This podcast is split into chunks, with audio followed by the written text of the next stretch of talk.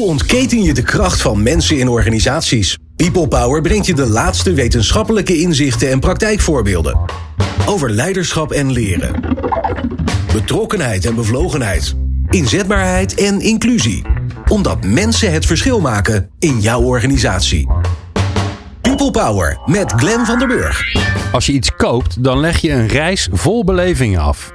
Inzicht in de ervaring van jouw klant is daarom goud waard. Maar ja, wij zijn geen uh, marketingprogramma, we zijn een HR-programma. We gaan het over mensen hebben. En volgens HR-professionals geldt namelijk hetzelfde voor de relatie die jij als werkgever hebt met je werknemers. Ook werknemers leggen een reis af. Elke significante stap van recruitment tot onboarding, van training tot exit, bepaalt de zogenaamde employee experience. Maar waarom is dat eigenlijk zo belangrijk? Hoe kom je erachter hoe medewerkers bij jou werken ervaren? En wat kun je er allemaal aan doen om de employee experience binnen jouw bedrijf te vergroten? Nou, daar hebben we twee interessante experts voor je over uitgenodigd. Claire Beerkhofs is Global HR Director voor de Domestic Appliance tak van Philips. Nou, die kennen we allemaal wel. En uh, Arjen Swank, hij is Senior Engagement Specialist bij Factory. Nou, en als je in deze wereld zit, ken je Factory ook. Fijn dat je luistert naar People Power. People Power met Glenn van den Burg. Claire en Arjen, wat leuk dat jullie er zijn. Ja, de Employee Experience. Volgens mij HR Buzzword of the Year. Nu al, volgens mij, voor 2022. Dat gaat hem worden, Arjen? Absoluut, ja? 100%. Ja, ben jij ook, Claire? Is, het, uh, is, dit, is dit hem of ben je alweer ergens anders ondertussen? nee, we hadden het er net uh, koffie buiten de studio hier erover.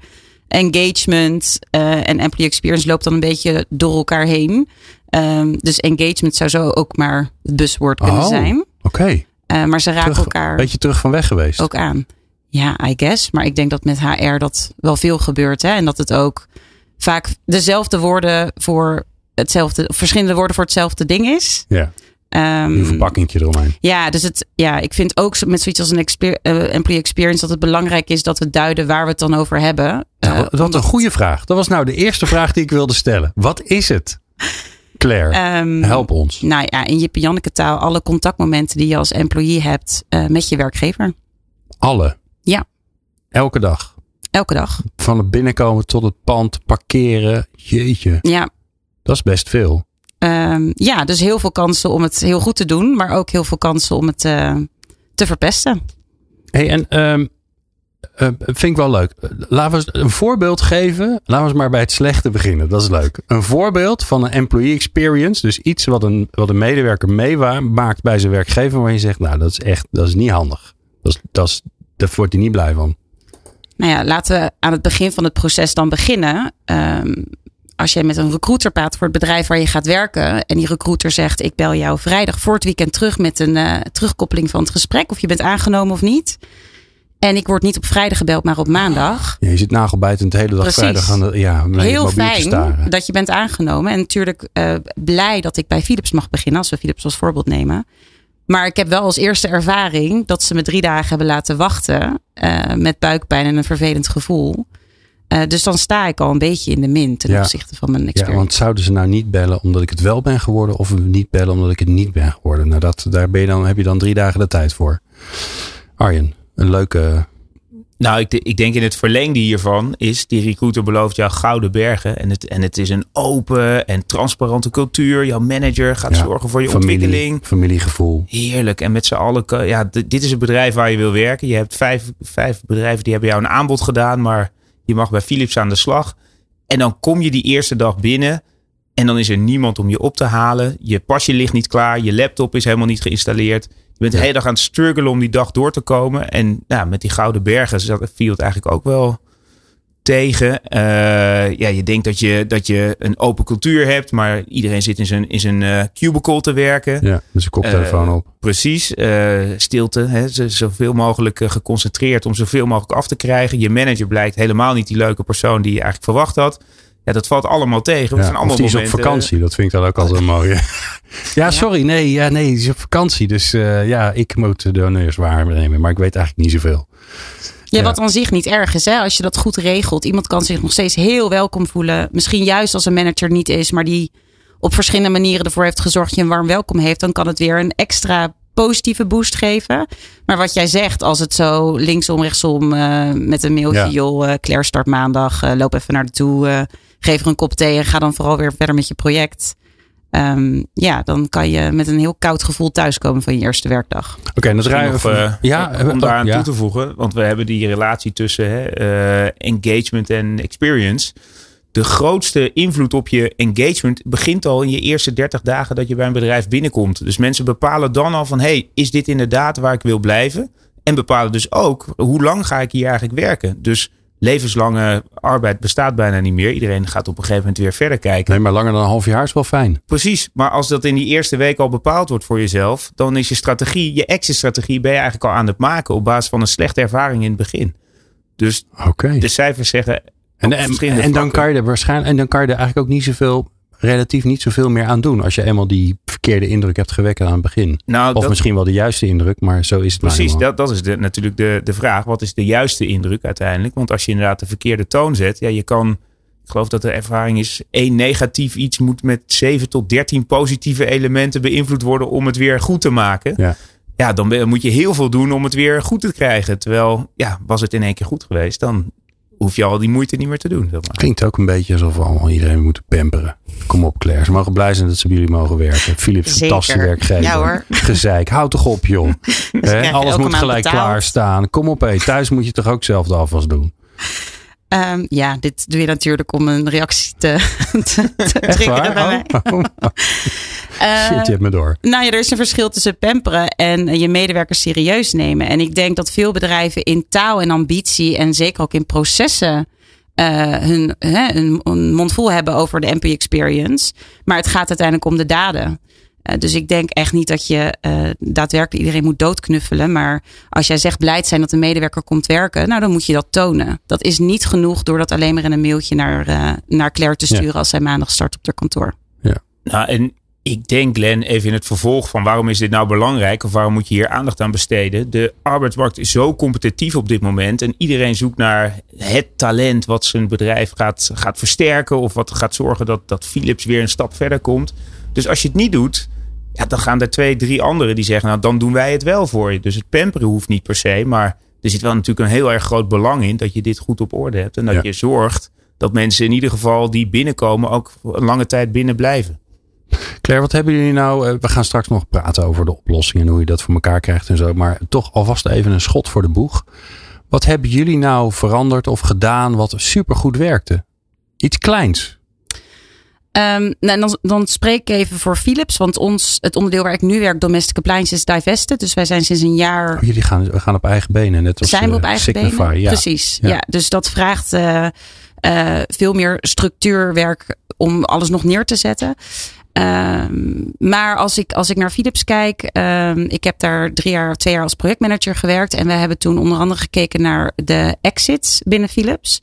Eh, allereerst naar de data. Waarom gaan mensen weg? Wie gaan er weg? Eh, en wat zijn daar de trends in? En wij zagen onder andere dat eh, de grootste groep die vertrok, vertrok binnen een jaar. Wat best zorgwekkend is, want dat zegt dus inderdaad iets over de employee experience, over hoe zij dat eerste jaar bij ons ervaren. Ehm, en daar was dus heel veel te winnen. Moet je nagaan, al dat geld wat je stopt in iemand zoeken, recruiten, aannemen en onboorden. Mhm. Ehm, en wat wij toen hebben gedaan is heel erg naar het onboardingproces kijken met eh, employees samen. Dus we hebben werkgroepen gemaakt waarin de employees uit alle lagen van de organisaties mee konden praten en mee konden ontwerpen. En een van de, de kleine dingen die we toen hebben aangepast is het van heel erg digitaal maken naar veel meer persoonlijk. En dat zit in zoiets kleins als een buddy eh allokeren. Dat de eerste dag dat je er bent, jouw manager in het systeem al heeft moeten aangeven. Sandra is jouw buddy. Sandra wacht maandag op jou op kantoor. En die zorgt dat jij bij al je documenten kan. eh, een rondje door het kantoor kan lopen. eh, en waar je met al je vragen terecht kan. En Sandra heeft ook tijd voor je die dag. Die gaat gewoon niks anders doen dan alleen maar er voor jou zijn. En Sandra is van tevoren even geprept wat zo'n rol als buddy betekent. Omdat je in, in, de, in de drukte en de chaos van het werk soms ook vergeet hoe het ook alweer was om te starten in een nieuw bedrijf. Dat dat spannend is. Dat dat veel energie vraagt. Dus we hebben daar ook zo'n klein pakketje voor gemaakt met trainingen en, en eh, eh, wat inzichten, dingen die kunnen helpen daarbij. Dus ik denk alleen al iemand een beetje in de headspace brengen van je gaat een nieuw iemand onboorden als buddy. ehm, is eh, zeker niet zinloos. Ja. Nou kan ik me voorstellen dat als de employee experience is alles wat uh, een medewerker meemaakt van zijn werkgever. Van de, van de parkeerplaatsen tot uh, hoe de deur open gaat. Uh, tot of die wel of geen leuke manager hebben. tot de kerstpakketten. Nou, noem maar op. Hè? En dan we kunnen zo nog een paar uur doorgaan. Want als, zeker als je ergens 40 jaar werkt, dan maak je nogal wat mee. Um, daar zit ongetwijfeld verschillen in grootheden in. Dus uh, ik kan me voorstellen dat iemand die nu aan het luisteren is en denkt: ja, we moeten daar ook wel het een en ander aan gaan doen en dat in kaart brengen. Maar ho holy F, waar begin ik dan eigenlijk? En wat is er belangrijker dan andere dingen? Ja. Kun, je, kun, je, daar, is daar iets over te zeggen? Bijvoorbeeld vanuit onderzoek van de Factory? Ja, Arjen? Nou, je, je kan zeker elementen aanwijzen die, die meer invloed hebben op die uh, beleving van medewerkers. En misschien in, in het verlengde ook, waarom zouden ze bijvoorbeeld weggaan bij een organisatie als die beleving niet op orde is? Dus waar kijken ze dan naar? En nou, we hebben net een heel groot rapport weer gemaakt. Dat wordt uh, heel snel ook publiek gemaakt. Daar staan weer alle ja, jaarlijkse updates Dat is dus in. nog niet publiek. Volgende week. We hebben een scoop gewoon. Precies. Dit is helemaal uh, nog onder de radar. Hier, hier, dit kun je nog niet vinden, maar je, je gaat het volgende week ga je het zeker zien. En ja, daarin worden eigenlijk vanuit de wereldwijde uh, blik gekeken duizenden mensen die we daarvoor uh, in onze onderzoeken meenemen. In totaal 57 landen volgens mij die daar worden, worden gekeken. Ook verschillende cultuurelementen die, die daar invloed op hebben. En dan zie je wel een aantal ja, elementen die die, die die employee experience toch wel bepalen. En dat gaat, hè, dat zijn de verschillende fases van de employee journey. Dus onboarding, development, perform, exit op een gegeven moment. Maar ook de elementen die daarbinnen uh, bepalen of mensen het naar hun zin hebben. Of ze hoge engagement laten zien. En engagement, ja, daar hebben wij het al eerder een keer over gehad. Daar kunnen we een heel aparte aflevering over maken. Uh, maar andere dingen die je daarin ook ziet, is bijvoorbeeld de mate van autonomie. Hè? Mag ik zelf mijn werk bepalen of krijg ik eigen uh, mogelijkheid om onafhankelijk te werken? dus dat is ook weer gelinkt aan je leidinggevende. Geeft hij jou vertrouwen? Geeft hij ook transparantie? Laat hij zien wat belangrijk is? Um, dat heeft te maken met uh, de sfeer. Hè? Dus it's a good atmosphere to work. De vragen we dan. Oké, okay, ja, dan zie je toch dat in een aantal landen mensen zeggen: Nou, bij ons uh, is dat heel bepalend voor hoe ik het hier vind. Hm. En die is niet per se goed. Um, eentje die, ik zal even heel kort kijken. Ja, waar je ik, nou ik echt... kan me voorstellen dat je dat nieuwe rapport nog niet helemaal Nee, ik ken nog niet kent, alle stukken. Maar bijvoorbeeld belangrijke die je ook veel ziet. Workload. Ook een, een heel bepalende factor. En die verschilt dan ook weer enorm per land. Dus in Zuid-Amerika vinden ze dat veel acceptabeler. En in Europa vinden we met name dat de workload snel te hoog is. Ja, dat herken ik heel erg. Oh ja? Ja, dat dat cultureel bepaald is. Ja, Ja. Amerikanen hebben veel meer een cultuur van hard werken. Is iets om trots op te zijn en goed. En, en de self-made man. Dus dat zit veel meer in de cultuur dat je accepteert dat hè, er bergen werk verzet moeten worden. Eh, alleen al de mate van vakantiedagen en hoe wij omgaan met, met vrije tijd eh, is een groot contrast per cultuur. Maar ik, ik heb wel een vraag, want ik werd al getriggerd door wat jij zei eh, over die verschillende componenten. Ehm, je kent vast wel die phrase: eh, people don't leave the job, they leave the manager. Ja. Hè, dus het is heel vaak de manager toch die de meeste impact heeft op hoe een, een employee het ervaart. En natuurlijk moet salaris en, en werkdruk en dat soort dingen moet zeg maar een soort van hygiënefactor eh, eh, zijn en goed geregeld zijn. Ja. Herkennen jullie dat ook in jullie onderzoeken? Dat het met name toch de manager is die zo bepalend is voor de engagement en die experience? Ja, en wat je ook veel ziet is dat organisaties ook zoeken naar nieuwe vormen van management. En ik denk dat corona een enorme versneller was van het veel autonomer en veel output gestuurder werken dan dat we misschien keken naar de uren dat je ging werken. en Dat je manager je daarop ging aanspreken van hé, hey, je moet hier langer zijn of je moet hier vaker zijn. Um, maar heel veel componenten die bijvoorbeeld enorm van invloed zijn op engagement, hoe betrokken en bevlogen zijn mensen, zijn best ook wel gerelateerd aan de manier waarop leiding wordt gegeven. Dus dan heb je het over uh, vertrouwen, uh, productiviteit, eigenaarschap, customer focus. Dat zijn allemaal componenten waar de manager best wel invloed heeft op hoe, ja, hoe jij daar mee omgaat. Dus Ja. zijn wij een uh, klantgericht team, daar kun je mensen in ondersteunen of je kan het opleggen. Ja. En ook dat vormt alweer een mening van wacht even, mijn manager bepaalt voor mij of mag ik het zelf bedenken? Mag ik zelf op zoek? Ja. En dit is zo'n hele uh, populaire uh, TED-talk van, van Simon Sinek, Why, How, What. En dan gaan we met z'n allen kijken naar de why eerst, de purpose. Nou, dat is sowieso, maar dat belangrijk. Alleen dat bepaalt je manager niet. Dat doe je als organisatie. Welke missie, welke visie hebben wij? Waar willen we graag, waarom doen we wat we doen, zeg maar. Uh, en het gevaar is om dan heel erg te gaan voorschrijven wat de how moet worden. Dus dat de manager verantwoordelijk wordt om de how vorm te gaan geven. Maar dat moet je eigenlijk juist met je team doen, collectief. Want dan heeft iedereen het gevoel dat hij op een gelijkmatige manier heeft bijgedragen om uiteindelijk de what te gaan bereiken. Namelijk het resultaat of het doel, waar je achteraan gaat. Ja. En ik denk dat de manager daar op al die facetten ook getraind kan worden. Niet iedereen is die perfecte manager natuurlijk. Nee, spiky leadership. Ja. Toch is nou ja, en Zeker bij sommige organisaties, hè, dat Peter Principle, op een gegeven moment werk je naar je eigen onvermogen toe. Dat wordt wel Ja. eh, best wel ingewikkeld op een gegeven moment. Voor sommige mensen groeit het ze boven het hoofd. Ze waren een perfecte specialist en nu werden ze ineens manager. Ja, Maar misschien zijn ze daar wel helemaal niet bekwaam voor.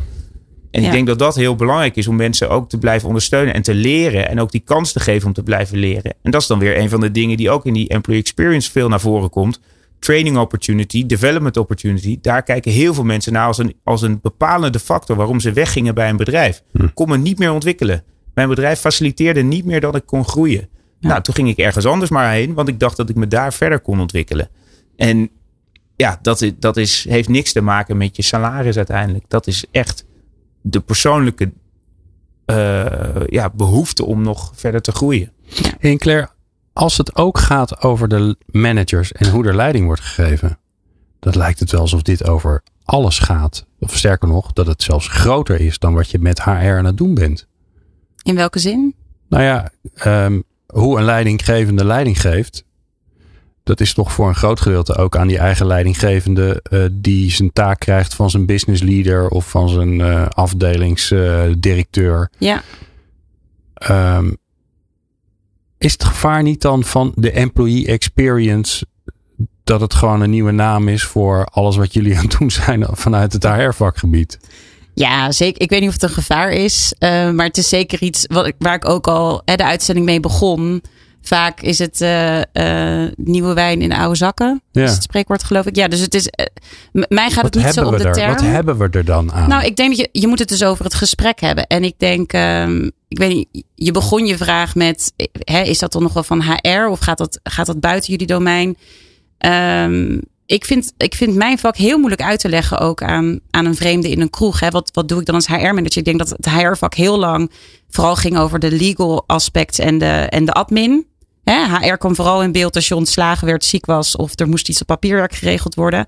En een HR-professional steeds meer een change agent geworden. Ja, wat is dan weer. Dus ik vind dat HR vaak omgeven is met buzzwords. En dat het dus belangrijk is dat je concreet maakt. Wat wil je opleveren? Wat is Ja. je toegevoegde waarde en wat is je doel? Nou ja, wat ik voor me zie is dat je eigenlijk eh, niet vanuit, per se vanuit bedrijf bedenkt.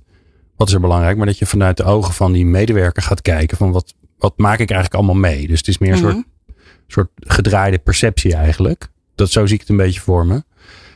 Maar daar kom je dus ook op het vak, vakgebied van facilities, van IT. Je komt op heel veel. Hè? Alles wat iemand meemaakt in een bedrijf. Ja, dat, dat zijn gelijke. Salarisadministratie ligt dan soms wel bij HR. Hè? Dus hoe het strookje eruit ziet en hoe leesbaar het is. Ehm, hoe pak je dat dan aan? En die vraag, daar hoor je het antwoord zo op. Hoe ontketen je de kracht van mensen in organisaties? People Power. In de studio Claire Berkhoff van eh, Philips. En terwijl ik dat zeg, weet ik eigenlijk. Ja, hebben jullie al een nieuwe naam eigenlijk eh, voor de domestic appliances? Nee, dus wij, wij leasen Dus- de naam Philips nog zeker Nog voor de vijf- komende vijf jaar. Ja. Ja, ja. En, maar, maar gaat dat dan net zoals bij Signify dat je op een gegeven moment dan een andere bedrijfsnaam hebt, maar de, de stickertjes op de appara- apparaten zijn nog wel Philips? Nou, dat zou heel goed kunnen. Je hebt natuurlijk een marketingwaarde van je brand. eh, en je hebt een, een BV-naam of hoe je hè, intern eh, dat wil handhaven. Eh, maar dat is nog, eh, je zit nog in een soort eh, tussenfase. ja, we zijn nog een beetje, nou honeymoon. Ik denk dat de collega's die het luisteren gaan lachen. We zijn wel door de honeymoonfase heen. Maar we zijn wel echt net gelanceerd als nieuw bedrijf. En eh, Ja. zijn nog zoveel basiszaken aan het regelen en opzetten. Wel spannend, want dan kan je heel erg natuurlijk bezighouden met de employee experience en hoe die dan zou moeten zijn. Alles waarvan je, waarvan misschien vroeger zo was, ja, zo is het nou eenmaal bij ons. Zeker. Die kan je nu naar je hand zetten. Ja, Maar de uitdaging was, want ik had een cliffhanger voordat we eh, naar, eh, naar de break gingen. Eh, dat is namelijk, het gaat over alles wat je meemaakt. Inclusief parkeerplaatsen, eh, hoe snel de, eh, de draaideur draait, hoe warm het is in het pand. Nou, noem maar op. Eh, tot aan eh, eh, eh, hoe je manager met je omgaat. Hoe doe je dat dan? Want je bent niet de baas van alles, Claire. Nee, maar je hoeft natuurlijk ook niet de baas te zijn om te kunnen beïnvloeden. Dus um, als ik naar mijn eigen rol kijk, in mijn domein heb ik alle functionele afdelingen. Uh, dus dat is finance, maar dat is ook IT. En dat is ook. Uh, dat zijn je collega's. Toch? Dat zijn mijn collega's. Dat zijn de teams waarmee ik samenwerk en waar ik mijn HR-verantwoordelijkheid voor heb. Dus als ik daar iets mee wil doen, dan kan ik een projectgroep opzetten waarin ik employees uitnodig, facilities uitnodig, managers uitnodig en HR uh, eh, aan laat schuiven. Om met elkaar tot een verbetering te komen. Om, als je zo'n voorbeeld wil noemen van de parkeerplekken. En dat is ook wat wij sinds jaar en dag doen. Multidisciplinaire teams noemen we dat. Oké, dus neem mij eens mee. Um, uh, uh, stap 1. Hoe kom je er überhaupt achter dat er dingen niet goed zijn? Nou, je hebt vertelde al even over de onderzoeken die je dan doet bij de exit. Hè? Ja. Uh, doe je ook nog onderzoeken bij mensen die wel blijven? Want die wil dus, natuurlijk ook weten waar ze wel heel blij van worden. Zeker, ja. En daar kan je natuurlijk meer over vertellen. Maar wij, uh, wij doen net als, ik denk, de, de meeste grote bedrijven, de, uh, een employee survey. En dat kan een pulse survey zijn waarin je veel uh, meer ad hoc en op een project of op een thema en, en any day, any place zo'n vragenlijst uit kan sturen. Wij hebben tot nu toe steeds gekozen voor een, een kwartaal survey. Ik denk dat veel bedrijven daarvoor kiezen, waardoor je uh, ja, per kwartaal de thermometer erin stopt op een aantal vragen en een aantal thema's. En op basis van die data kan je naar verbeteringen gaan kijken. Ja, oké. dus dat, dat heb je dan gedaan? Ja. Dan komt er iets uit? Ja. Noem eens een voorbeeld. Nou, bijvoorbeeld dat uh, op samenwerken dat wij laag scoren ten opzichte okay. van de afgelopen kwartalen, ten opzichte van de benchmark. Uh, dus als ik dat zie in mijn data, dan denk ik: oké, okay, interessant. Waar zit dat dan op? Hè? Is dat uh, onderling en kunnen teams elkaar gewoon niet vinden? Of is de werkdruk te hoog? Dus is samenwerken kost gewoon te veel tijd en gaan mensen een beetje in een silo hun eigen werk doen? Uh, dus wat ik meestal doe vanuit mijn HR-rol is het bespreken met het MT verantwoordelijk en de directeur. Uh, ik leg voor en ik doe wat voorstellen waar ik denk waar we op ons moeten focussen. Uiteindelijk is het aan de MT's om daar iets mee te doen. Daar hadden we het net even over.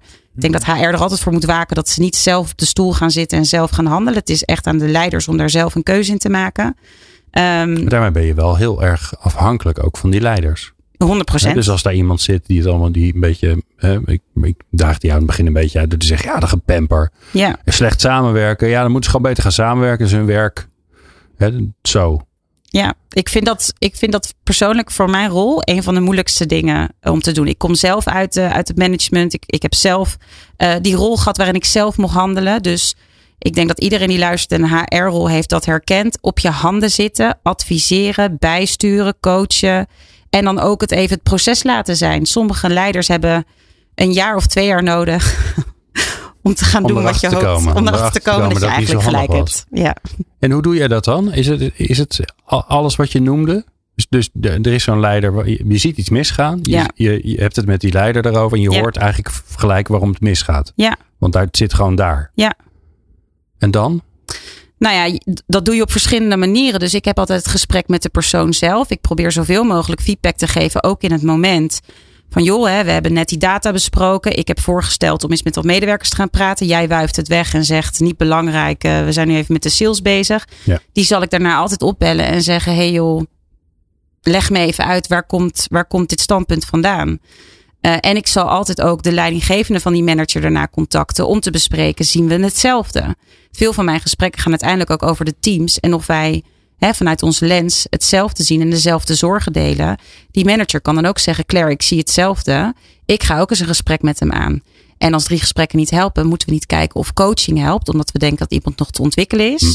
Of dat we naar een exit moeten werken, omdat iemand niet matcht met de ambitie en Nee. de plannen die wij hebben. Met de leiderschapscultuur die je wil hebben. Ja. Ja. Maar ik denk, jij zegt wel iets heel belangrijks, Claire. Namelijk bijna ondergeschikt. Maar je zegt, we kijken naar de data en dan gaan we het gesprek, maar dan gaan we het gesprek aan. Maar die data vormt eigenlijk natuurlijk wel de relevantievraag van, dan is het onafhankelijk, zeg maar. Hè? Dan is het objectief. Er staat niet van, hè, de hardste schreeuwer die krijgt de meeste aandacht. Maar je gaat letterlijk met een sheet van, joh, dit is wat het je kan opleveren. Neem ik aan, toch? Ja, sterker nog, ik, ik denk dat een valkuil in het bedrijfsleven of in, in elke, elk systeem is dat je op aannames en persoonlijke ervaringen je beeld vormt. Precies. En dan zegt, oh ja, die onboarding hier is ruk, want toen ik hier kwam werken was het A, B of C.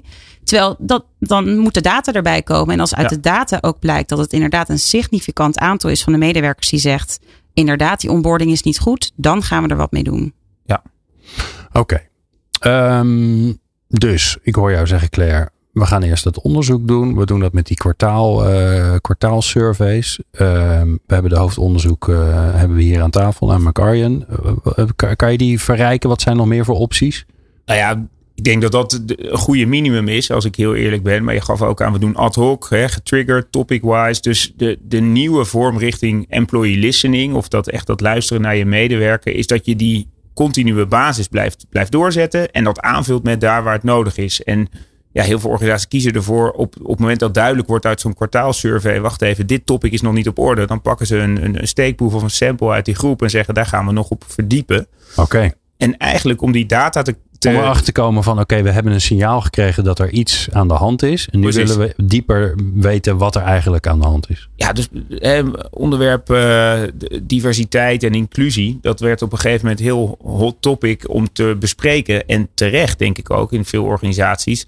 Maar was nog niet onderdeel van hun jaarlijkse survey. En als het helemaal erg was, van hun tweejaarlijkse survey. Hè, dat was echt wel van een tijd geleden dat je dat nog als basis nam.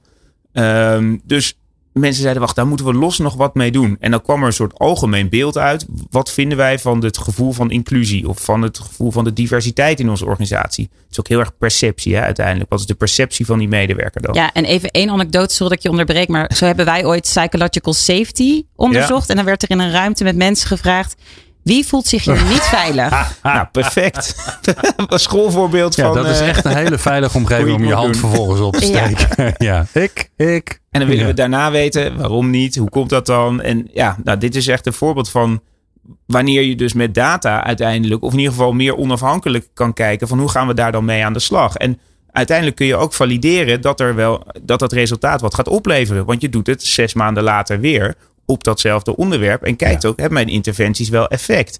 En je moet dit niet iedere week gaan doen. Hè? Dat, dat, dat is veel te veel. Als je iedere week hetzelfde onderwerp gaat bevragen, dan gaan mensen wenselijk gedrag vertonen. Dus Ja, dat heeft Of niet, meer zin. invullen. Of Maar- niet meer invullen. maar ja. en daarbij, als ik mag aanvullen.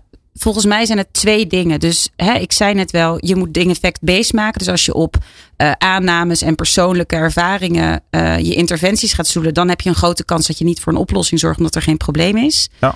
Maar ik vind dat het begint bij het gewoon in het echte leven contact maken met je medewerkers. Dus als we alles gaan gieten in surveys en data-analyse, dat is denk ik ook waar het vaak misgaat.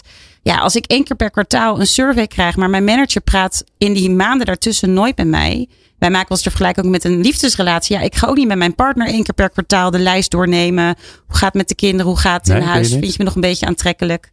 Score ik altijd heel hoog op.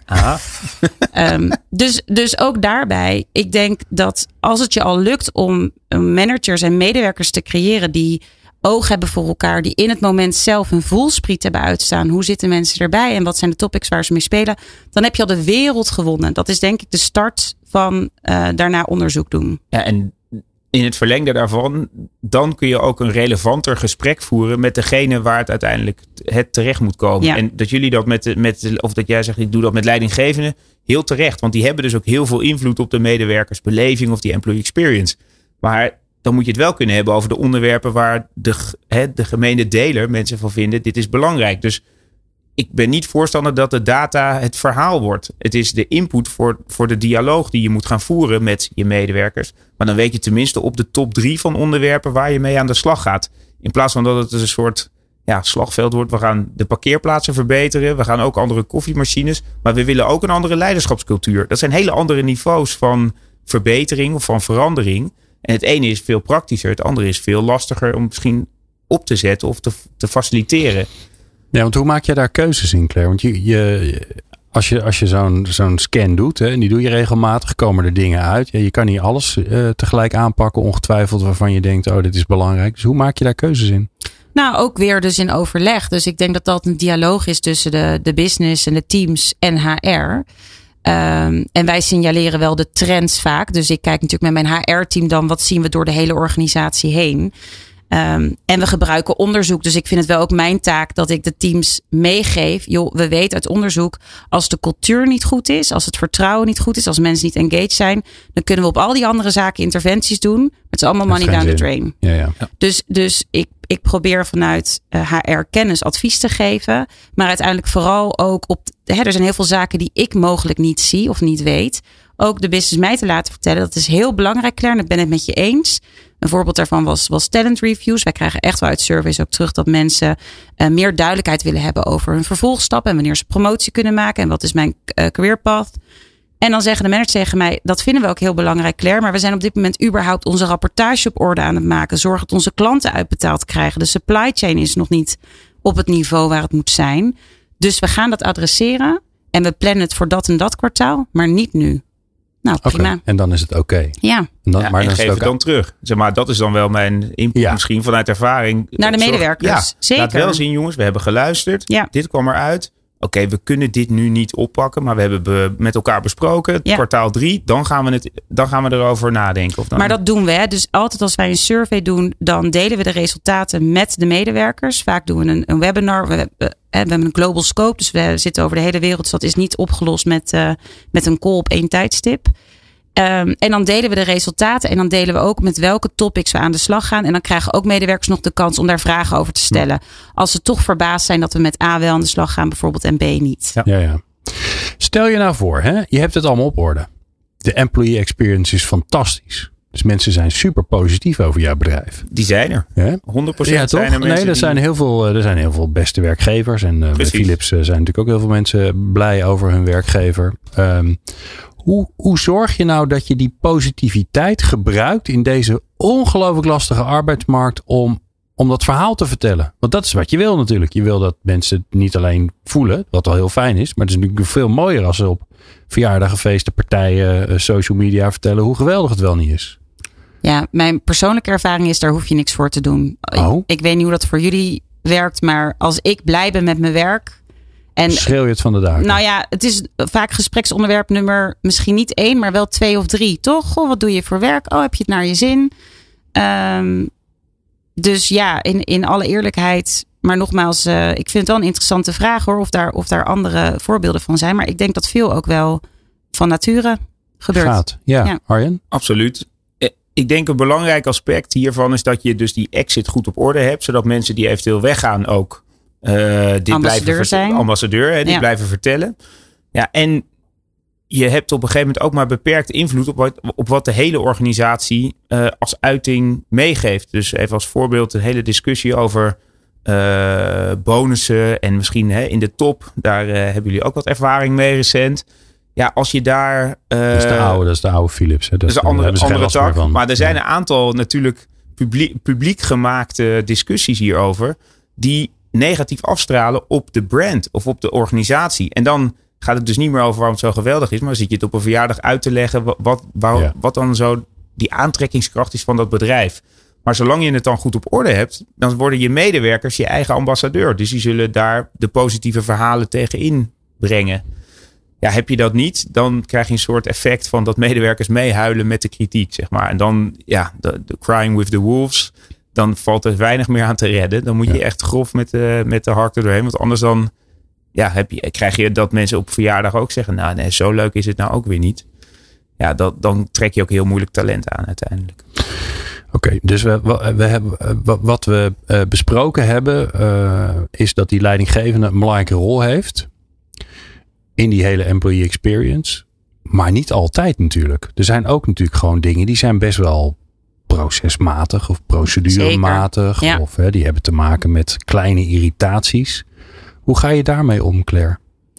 Ja, eh, het is heel herkenbaar. Volgens mij werd het net ook gezegd. Precies dat. Mijn laptop is er niet. En dan kan Ja. je manager nog zo inlevend, meelevend en eh, adequaat zijn. Ja, je blijft Ehm, zonder laptop zitten. Maar toch ben ik ervan overtuigd dat het de wereld van verschil maakt. Hoe jouw manager vervolgens weer daarop reageert en daarmee omgaat. Want dat dingen niet lopen zoals ze moeten lopen, daar hebben denk ik mensen heel veel begrip voor. Vergelijk het met je huis verbouwen. Ik vind het niet erg als er iets fout gaat bij de aannemer. Als er een, een keukenlater wordt bezorgd of er wordt verkeerde kleur op de muur gedaan. Maar als die aannemer mij opbelt en zegt het is echt balen. En je zit hier al drie weken op te wachten. We hebben een oplossing voor je. We gaan A, B en C doen. En by the way, ik garandeer jou 29 mei is het wel in orde. Ja, dat doet het bijna te niet dat het niet goed is gedaan. Sterker nog, ik kan dan helemaal verrast zijn over hoe goed dat contact dan is. Dus Hmm. ehm, Oké, dus dingen die misgaan zijn ook een kans om te laten zien wat voor bedrijf je eigenlijk bent. ja, daar, dat geloof ik wel. Ja. Ja, En zijn er nou dingen die jullie doen ehm, die ehm, eh, we hebben, je hebt het eh, in de, in de dienstverlening vaak over de wow experience. Hè? Dat, je, dat je meer doet dan wat de klant verwacht. In dit geval meer doet dan je medewerker verwacht. Die moeten altijd wel precies passen, heb ik altijd het idee. En soms denk je, wauw, dit had ik echt helemaal niet bij jullie verwacht. En sterker nog, ik vind het ook helemaal niet passen. Ja. Maar wat voor wauw dingen doen jullie nou die wel helemaal bij die cultuur passen? Nou, waar ik wel trots op ben, wat ik binnen DA bij uh, bijna al mijn collega's heb gezien, zeker ook in een leidinggevende functie, is ook in tijden van corona. En ik weet dat jullie met Effectory dat ook heel veel doen. Een persoonlijke touch geven in het contact thuis. Dus uh, op vrijdagmiddag een borrel organiseren. Zorgen dat er een borrelplankje klaar staat. En dan met z'n allen inbellen. En zorgen dat er even een moment van ontspanning is. Ja. Uh, op bepaalde mijlpalen zorgen dat dat gevierd wordt. Dat er thuis ook iets is om dat te symboliseren. Um, de head of IT, een, een dame bij Domestic Appliances. Um, die, doet, die heeft dat heel mooi gedaan. Die had een, uh, een houten kistje gemaakt waar je een huisje van kon maken, waar je een lampje in kon doen. Turning houses into homes is onze, onze purpose, onze hmm. Um, en dat was dan het presentje voor, uh, voor kerst. Je kan natuurlijk een hele anonieme vruchtenmand sturen. Uh, hè, of dat heel erg overlaten aan een, aan een collega die dat dan ergens bij bol.com bestelt. Maar ik denk dat de collega's bij ons wel echt persoonlijk invested zijn en nadenken over hoe kan ik iemand thuis ook persoonlijk uh, bereiken. Mooi. In het uh, laatste blokje wat wij met elkaar hebben, gaan we het nog even hebben over de toekomst, de trends. Wat komt er allemaal aan? Waar zou je eigenlijk mee bezig moeten zijn omdat het al aankomt? Dat hoor je zo. Leiderschap, leren, inzetbaarheid en inclusie. De laatste inzichten hoor je in People Power. Een van de dingen waar uh, ik uh, zelf aan moest denken is, uh, je hebt iets in de psychologie en als ik het goed zeg, is dat hedonistic adaptation. Oftewel, stel je voor, je wil een mooie BMW, omdat je altijd al je hele leven een BMW wil. En dan heb je die BMW en dan ben je de eerste week, twee weken, maand, misschien twee maanden, ben je, ben je blijer dan, gelukkiger dan je, dan je was. En daarna zakt het weer terug naar het niveau wat je had. Um, maar je bent ondertussen wel gewend aan die BMW. Dus als je dan weer na die BMW weer terug moet in een, uh, weet ik veel, een uh, golfje of een, uh, misschien wel gewoon een fiets. Dan, en, die, en je BMW wordt weggenomen, dan word je weer verdrietiger van. Overigens bounce dat ook weer terug. Maar het ingewikkelde is natuurlijk, als je, als je het in de organisatie supergoed geregeld hebt allemaal, dan valt het misschien des te meer op als er eens een keer niet, zo, iets niet goed gaat. Dus hoe, hoe, ja, hoe ga je daarmee om? Want je, bent, je moet ook een beetje de verwachtingen managen, Arjen. Ja, dat denk ik ook. En we hadden het toevallig net over dat als je op een gegeven moment de verwachtingen overtreft, dan wordt iedereen enthousiast en dan gaan ze allemaal rennen en dan zeggen ze: Wauw, dit is te gek. Ja. Maar als je dan vervolgens iets terugvalt, dan voelt het eigenlijk een beetje als een, uh, hoe noemen ze dat, een demotie? Of een, uh, ja, dan ineens voel ja, je van, hey, dit een dissatisfier. Ja, een dissatisfier. En dan ja, zie je dat mensen dus negatief beïnvloed worden vanwege het feit dat ze niet meer overtoepen eigenlijk. Dus dat ze niet meer een overtreffende trap hebben. En ja, we hadden uh, als, als voorbeeld dus tijdens corona kreeg iedereen een borrelpakket en online uh, meetings en iedereen, uh, dat was natuurlijk te gek. Maar op een gegeven moment, wat is dan de volgende stap? En, en hoe hou je dat dan levend? En dat is toch vooral ook de verrassing, denk ik, voor heel veel mensen. Dus hey, dit had ik niet verwacht van mijn werkgever. Ja. Oh, wat leuk. Um, en dat zit niet per se in de betaling zelf, denk ik. Hè? In, in wat je daadwerkelijk krijgt. Het zit veel meer in de, in de randvoorwaarden. Een beetje ook in de originaliteit. Een beetje de, ja, precies. En, de gastvrijheid die je ontvangt of de, de, ja, de liefde die eruit spreekt. Dan gaat het meer over dat soort dingen. En raakt het aan jou als persoon? Vind jij het daadwerkelijk als persoon ook ja, belangrijk? Of ja, voel je dat ook als iets wat voor jou waarde toevoegt? En voor de ene, als ik kijk naar de verschillen in organisaties. Bij de ene organisatie krijg je nog een BMW omdat je een bepaalde positie bereikt. Ik denk een hele hoop organisaties die gaan zich daar niet meer mee onderscheiden. Want ja, de helft van de stedelingen wil hebben geen auto. Waar moeten ze dat ding parkeren? Waar nee, moeten ze hem kwijt? Duur, ja. ja, ik ga lekker op de fiets. Dus als jij in Amsterdam woont en je werkt uh, bij de oude Philips toren, ja, waarom zou je dan met, met een leaseauto, daar word je helemaal, dat, dat, dat verrijkt niet je pakket. Dus dit is ook aanpassen aan datgene wat medewerkers het meeste verwachten en wat ze het liefste willen. Ah, kijk. Of een keuzemenu maken, hè, wat je veel ziet in arbeidsvoorwaarden. Ja. Wij werken ook met een systeem waarin je een gedeelte van je arbeidsvoorwaarden kan kiezen en vrij kan inzetten. En de een wil een auto en de ander wil een vergoeding. Ja. En ik denk dat dat een trend is die zich alleen maar gaat doorzetten. Dat je dat steeds meer individueel maakt en niet uh, collectief. Ja. Als we dan toch een beetje door de oogharen naar de toekomst kijken. En ik weet dat we de, de, de toekomst niet kunnen voorspellen. Maar wat, wat, wat komt er aan? De arbeidsmarkt is mega krap. Uh, dat zal die ook nog wel een tijdje blijven. Hè? Zelfs als we met z'n allen in uh, een uh, recessie inrollen. Dan weten we gewoon, oké, we hebben nu geproefd aan hoe het gaat worden. Wat, als we kijken naar die employee experience. Wat, wat moet er gebeuren? Wat moeten we doen? Wat, waar kun je, ontkom je niet meer aan als je een jaar of twee jaar verder bent, Claire? Nou ja, ik denk dat je als organisatie vooral die eerste fase, dat recruitmentproces en die onboarding heel goed geregeld moet hebben. Nogmaals, als ik naar onze data kijk, maar ik weet het ook van andere organisaties. Uh, verlies snel mensen in het eerste jaar. Ook wat jij zei, je had het over die 30 dagen. Um, als je het alleen al economisch bekijkt, what a waste. Aan tijd en energie om ze iemand aan te nemen en dan zo snel weer te verliezen. Alleen dat zou al motivatie moeten zijn om daar meer aandacht aan te besteden. Dus ik denk zorg voor een heel goed recruitmentproces, snelle terugkoppeling. Je verliest ook je kandidaat als je niet binnen een dag terugbelt, want die heeft misschien nog drie gesprekken lopen. Zorg dat in dat contact er iets gebeurt met die, met die kandidaat, dat hij al het gevoel heeft, ik zit al bij jullie club, ik ben al benaderd, ik zit al uh, met een pakketje thuis of in het contact aan de telefoon. En dat is zo collegiaal en zo warm. Um, ik geef daar de voorkeur aan dan uh, bedrijf X, waar ik dan misschien 100 euro meer zou kunnen verdienen. Ja. ja, dus gelijk zorgen dat je thuis voelt, erbij hoort. Mooi. Ja. Ja, ik, ik, denk heel erg. Toekomst. Persoonlijke benadering wordt alleen maar belangrijker. Wat we eigenlijk net zeiden. Niet alleen in, hè, in de waardering, maar ook eh, voel je als medewerker uniek, gehoord, gewaardeerd. Uh, krijg je persoonlijke kans om te groeien. Uh, en volstaat of voldoet het bedrijf waar je werkt aan de verwachtingen die je zelf eigenlijk hebt over de toekomst. En als die match er niet is, gaan mensen gewoon heel snel, denk ik, weer weg. Zeker in een markt waarin het aantrekkelijk is of makkelijk is om te, om te jobhoppen, wordt het ook makkelijker om iets anders te gaan doen. Dus als dat bedrijf niet meteen laat zien van hé, we geven om je, hè, al vanaf het moment dat je kandidaat bent, ja, dan ben je binnen een hele korte tijd vertrokken. Is dat ook een uitdaging voor een groter, groter bedrijf? Ja, waar zeker. meer mensen werken, waarbij, toch, hè, waarbij het meer van de processen moet hebben dan van de, van de, de persoonlijke aandacht.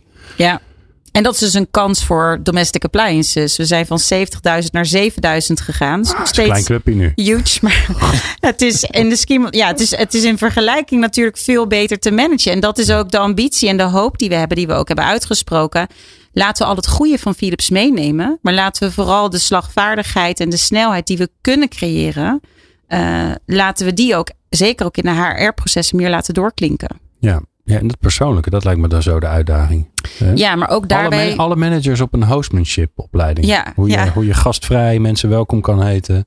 Precies. Nou ja, dat, dat kan zeker onderdeel zijn, maar ik denk het is ook cultuur. Dus als jij ziet dat jouw leiders en uh, topmanagement het gedrag vertoont, dat, dat is wat gekopieerd wordt en dat is wat als norm wordt gesteld. Een training kan aanvullend zijn, maar dat zit weer maar op capabilities. Hoe doe je dat dan? Maar de overtuiging en, de, en het feit dat je daar tijd voor vrijmaakt en aandacht voor maakt, dat moet volgens mij heel erg in de cultuur zitten. Hm. Ja, en ook daarvan weer de, de vergelijking met een relatie. Daar moet je continu aan werken. Je kan niet één keer per jaar een bloemetje brengen en dan daar vijf jaar opteren. Dat is gewoon hard werken. Dus ik, ik zou ook tegen de luisteraars willen zeggen: Weet je, maak je er niet zo'n zorg om. Het is niet een, een continu strijd. En oh, als we heel hoog zitten, gaan we het verliezen. Accepteer dat het iets is waar je altijd aan moet werken. En zorg gewoon dat het altijd een topic op de agenda is. Oké.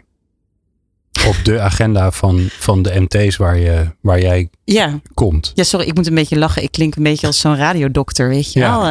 Uh, bel 06 Claire Ja. voor... uh, Doe dit en dan komt het goed. Ja. Luister naar Claire en dan komt het goed. Ja. Maar ik denk wel Arjen, dat we zijn toch een hebt. beetje in de, in de afronding, in de, in de tips. Wat zou jij mee willen geven aan onze luisteraars? Nou, er is volgens mij geen organisatie meer, hoop ik in ieder geval, die de medewerker niet ergens op die MT-agenda heeft. Dus ik ga heel erg mee in dit advies. Van als dat nog niet het geval is, of HR heeft niet een duidelijke stoel aan tafel, dan probeer in ieder geval duidelijk te maken waarom het relevant is. En dat ja, helpt enorm met de juiste data. Dus natuurlijk vanuit mijn kant, hè, probeer ook die data op orde te krijgen. Dat je weet wat er speelt. Dat je het niet over aannames hoeft te hebben, maar echt over relevante onderwerpen.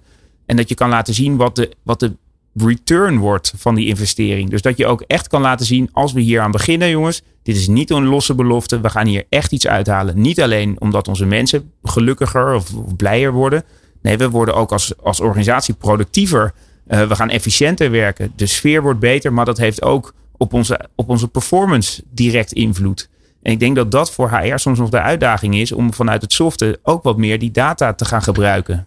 Ja, ja en, die, en die, ook die vertaling naar dat harde te maken. Hè? Want dat is natuurlijk het interessante. Daar, daar is de hele basis van dit programma op gestoeld. Uh, mensen die uh, zich prettig voelen in hun werk, die presteren ook gewoon domweg beter. Dus er is geen enkele reden om daar niet uh, mee aan de slag te gaan. Precies. Het was fijn uh, dat jullie er waren. Eigenlijk nog steeds zijn stiekem. Uh, Claire Beerkhoff van uh, voorheen Philips. Ondertussen een soort in limbo met domestic appliances. Ik ben ongelooflijk benieuwd hoe het gaat heten. Um, en Arjen Zwank van Factory. Leuk dat jullie er waren. Jij natuurlijk dank voor het luisteren. Veel meer luisteren kan. En dat weet je waar je dat moet doen. Meer afleveringen vind je op peoplepower.radio en jouw favoriete podcast app.